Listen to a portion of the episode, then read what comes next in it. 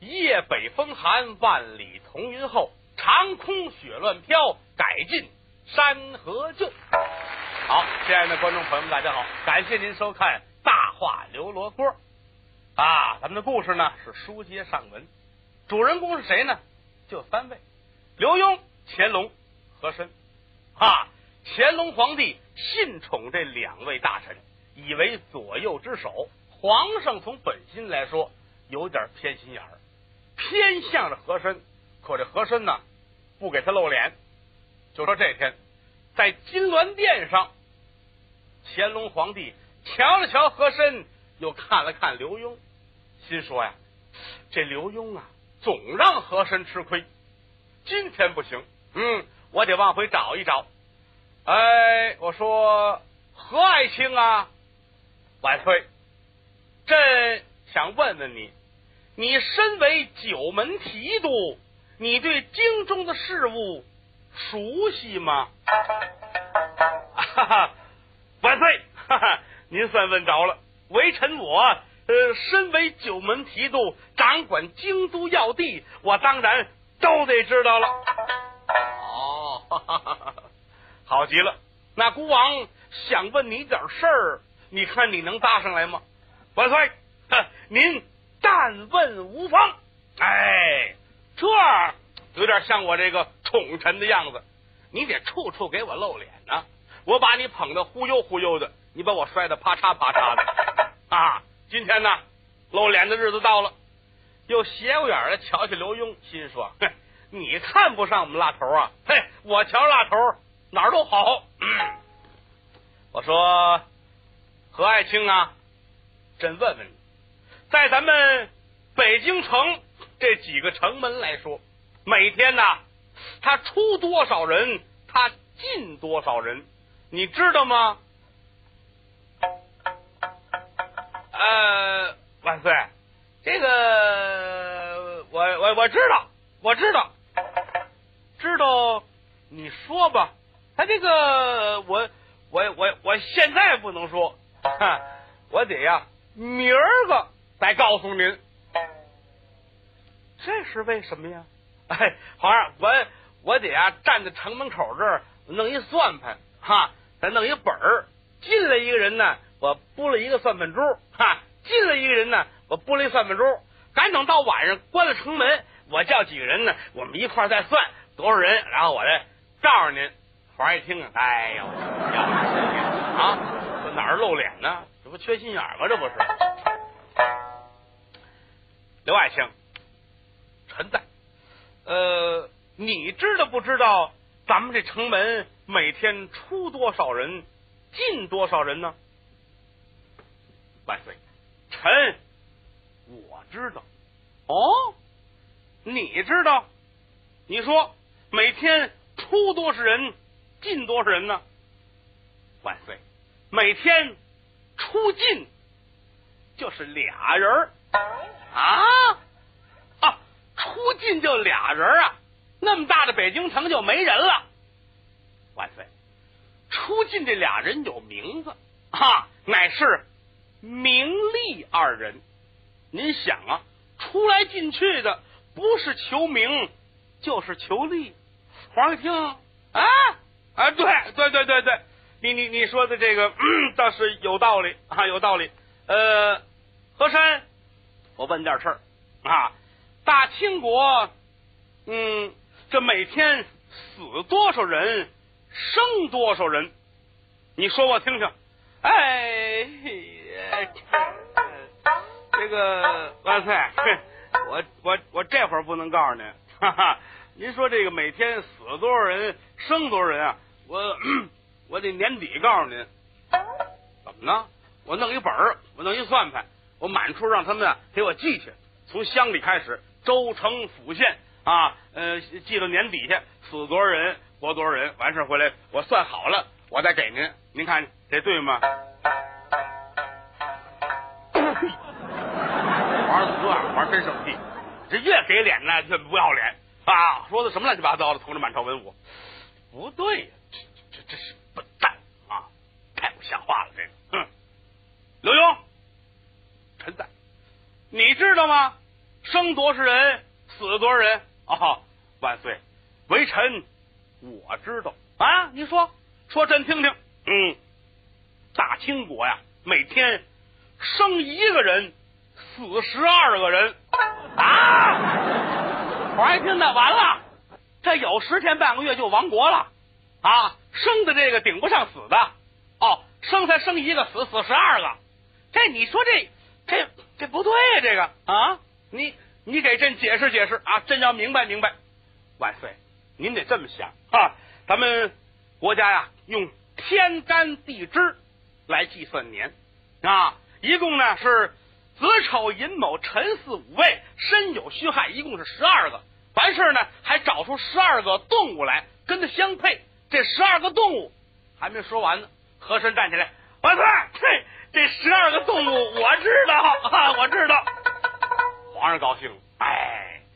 说我们拉头傻呀？这有知道的啊！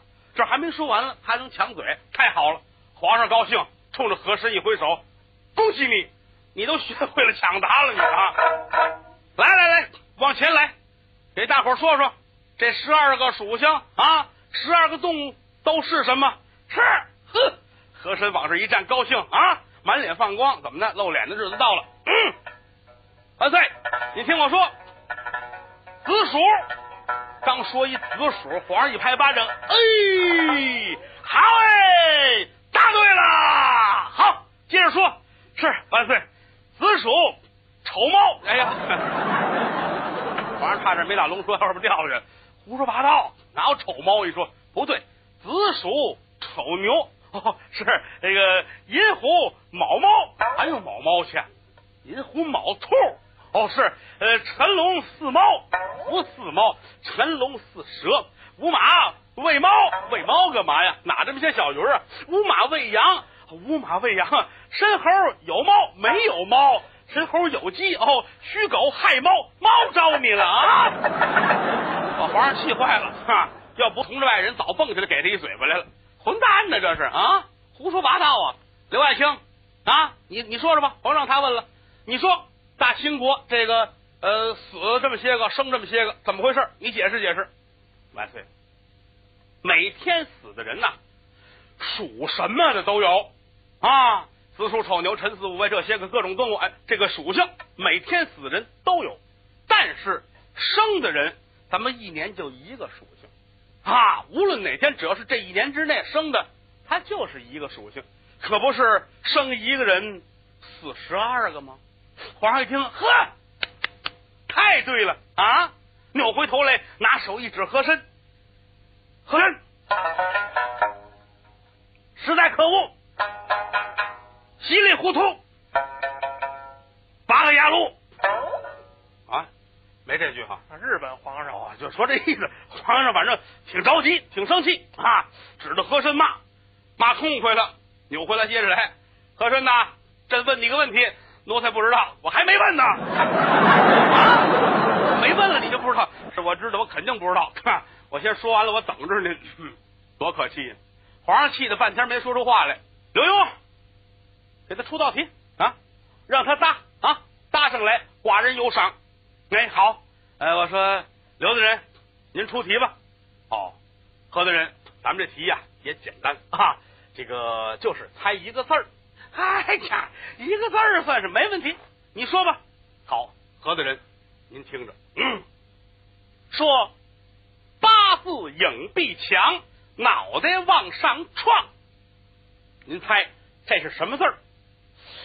和珅一听，八字影壁墙啊，就是一面墙，拿脑袋往上撞，拿脑袋往上面一撞，咣，哎。这字念“咣”，嗨！我说刘大人，我猜出来了，哦，猜出来了，八字影壁墙，脑袋往上撞，这念什么呀？念“咣”。皇上一听啊，差点没蹦起来，念“咣”，他不念“哗啦”呀？啊？哎，我这对不对呀？刘墉一摆手，不对，你这胡说八道啊！字影壁墙，脑袋往上撞，这字儿啊，念疼，念疼。我问你，这儿有墙，拿您的脑袋往上撞，疼不疼啊？疼。不过你这太简单了啊！这么简单你都没猜出来啊！我再来一个男的，你敢吗？您说，你来男的，我准能猜出来。听着，八字影壁墙，脑袋往上撞。哎，这我知道，这念疼。错了，这念晕。怎么念晕呢？你都撞两回了，你还不撞晕了吗？哎呦，您这两头堵啊啊！怎么样？你还敢猜吗？哎，你你你还敢说吗？你说我就敢猜你的。好，听着，八字影壁墙，脑袋往上撞，哎，疼晕。错了，傻。怎么又念傻了？你都撞两回了，你还撞去？你不傻吗？哼哎，我说刘罗锅哈，你这可是坑我呀！坑你，坑你，你还上当啊？嘿，我说，我说你还敢说吗？你还敢猜吗？嘿，你要敢说，我就敢猜；你要敢猜，我就敢说。听着，八字影鼻墙，脑袋往上撞，哎，疼晕傻，一概不对。怎么呢？死你都撞三回了，这回呀，非得撞死你不可！哦，满朝文武是哄堂大笑啊，乾隆皇上也乐了啊，一边乐一边也是很无奈。嗨，和珅呢？和珅呢？嗨，不愧你是打气死风灯出来的，你还是个辣头啊！这么简单的事儿你没搭上来。今天我本来想让你露露脸的，没想到你呀，哎，摔了个啪嚓啪嚓的。可不管怎么说，我也得让你呀把这面子圆回来。哎，我说和珅呐，我问你几个问题，你呀不急于回答，回府之后好好的琢磨琢磨，明日早朝的时候，你务必要搭上来。说着话，提起笔来，在纸条上。写了这么几句话，命小太监递给了和珅，回府看去吧。啊，当下散了早朝，文武群臣各自回府。和珅回到自己的家，一瞧这条写着什么高，什么低，什么东，什么西，什么薄，什么厚，什么肥，什么瘦，写了这么几句话，自个儿坐在屋里琢磨这个。什么高呢？房子高，可房子上面还有楼呢。楼高，不对，这楼上面还有塔呢。塔上面还有旗杆呢。这不对，这到底是什么呀？坐在屋里边是胡思乱想。管家何喜儿在旁边瞧见了，大人，您呐，别费这劲了。怎么呢？我有一个法儿，不知道啊，您愿意不愿意？嗯，什么办法？您呐，找刘罗锅子，他聪明啊，您问问他去。我问他，我们俩人不对付，他能告诉我吗？您怎么聪明一世，糊涂一时啊？您去，您不能这样去，多多少少啊，您给他买点东西。有这么句话说的好啊。举拳难打笑脸人，而且官不打送礼的，他跟您有什么仇？是不是？买点东西，您上家瞧瞧他去，拿面子一拘，没问题。问什么他说什么。啊，这是个好办法。不过我给他买什么呢？啊，我跟您说，大人，我呀听张成刘安说过，这位刘大人呢。不好别的，就这么几样。第一呀，他好喝点啊白干酒啊。第二呢，好吃啊烧羊肉。第三，好抽点关东烟。您把这三样办齐了，送到他那儿去，他准高兴啊。好办，啊，赶紧去。咱家有那个粮箱买回来那个老白干吗？有，还好些个呢。好，准备好了。完事你去趟前门，上月盛斋啊，买点烧羊肉。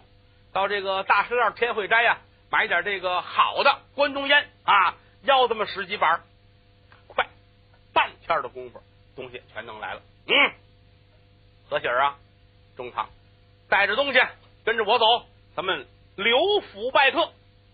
说的挺好哈。俩人出来坐了轿，来到刘墉的家，来到门口这张成、刘安瞧见了，哎，这不是大管家何喜儿、何总管吗？哎呦呦呦，两位两位两位，哈哈哈哈呃，您辛苦啊，呃，您给回一声，我们何中堂前来啊，想拜见一下刘大人。哦，这个您稍等一下啊，呃，我们老爷跟后院菜园子呢，这正忙活菜呢。张成、刘安进来了，老爷，干嘛呀？何中堂来了。嗯，谁？何中堂？和珅？何中堂？还带着东西看进来？他看我，请进来吧。说了声请进来，这位和珅带着东西，带着何喜儿进来了。哎，刘大人，哦。何中堂来了，来来来，快坐快坐。有人给搬过五凳来，俩人往这一坐。今天您怎么这么闲着呀？啊，有时间上我这儿来串门来啊？来来来，快坐啊！我这儿脏不呵呵啊，这是呃正忙活菜。来来来来来来，快坐快坐快坐。哎，没事没事。呃，来来，我这给您带点小礼物来，总没工夫来。今儿呢，咱哥俩好好的聊一聊啊。来，您尝尝这个，把这酒打开，倒了一杯。刘墉端起来，哎呀，呵，正经良乡老白干味儿还真不错啊！又把这烧羊肉切了一盘子，这是北京的传统名吃。好羊肉煮出来之后，又拿香油炸了啊！吃的时候切成片，蘸着羊肉汤吃，特别好吃。肥瘦都有，夹了一筷子搁在嘴里，哎呀，是真地道。又把这关东烟搓了搓，卷好了。抽了这么一袋，挺好。连喝了几大杯酒，刘墉就觉着脑袋呀有点晕晕乎乎，挺舒服啊。哎，我说何大人呐，今天您过府来是必有要事，是不是啊？呃，有话您说吧。哎呦，刘大人，我跟您说，今天来我是求您来了，求我什么事儿啊？呃，皇上今儿给我那张纸啊，写着几道题，什么高什么低，呃，什么东什么西，什么薄什么厚，哈，什么肥什什么瘦，这我这答不上来，我这求您来了。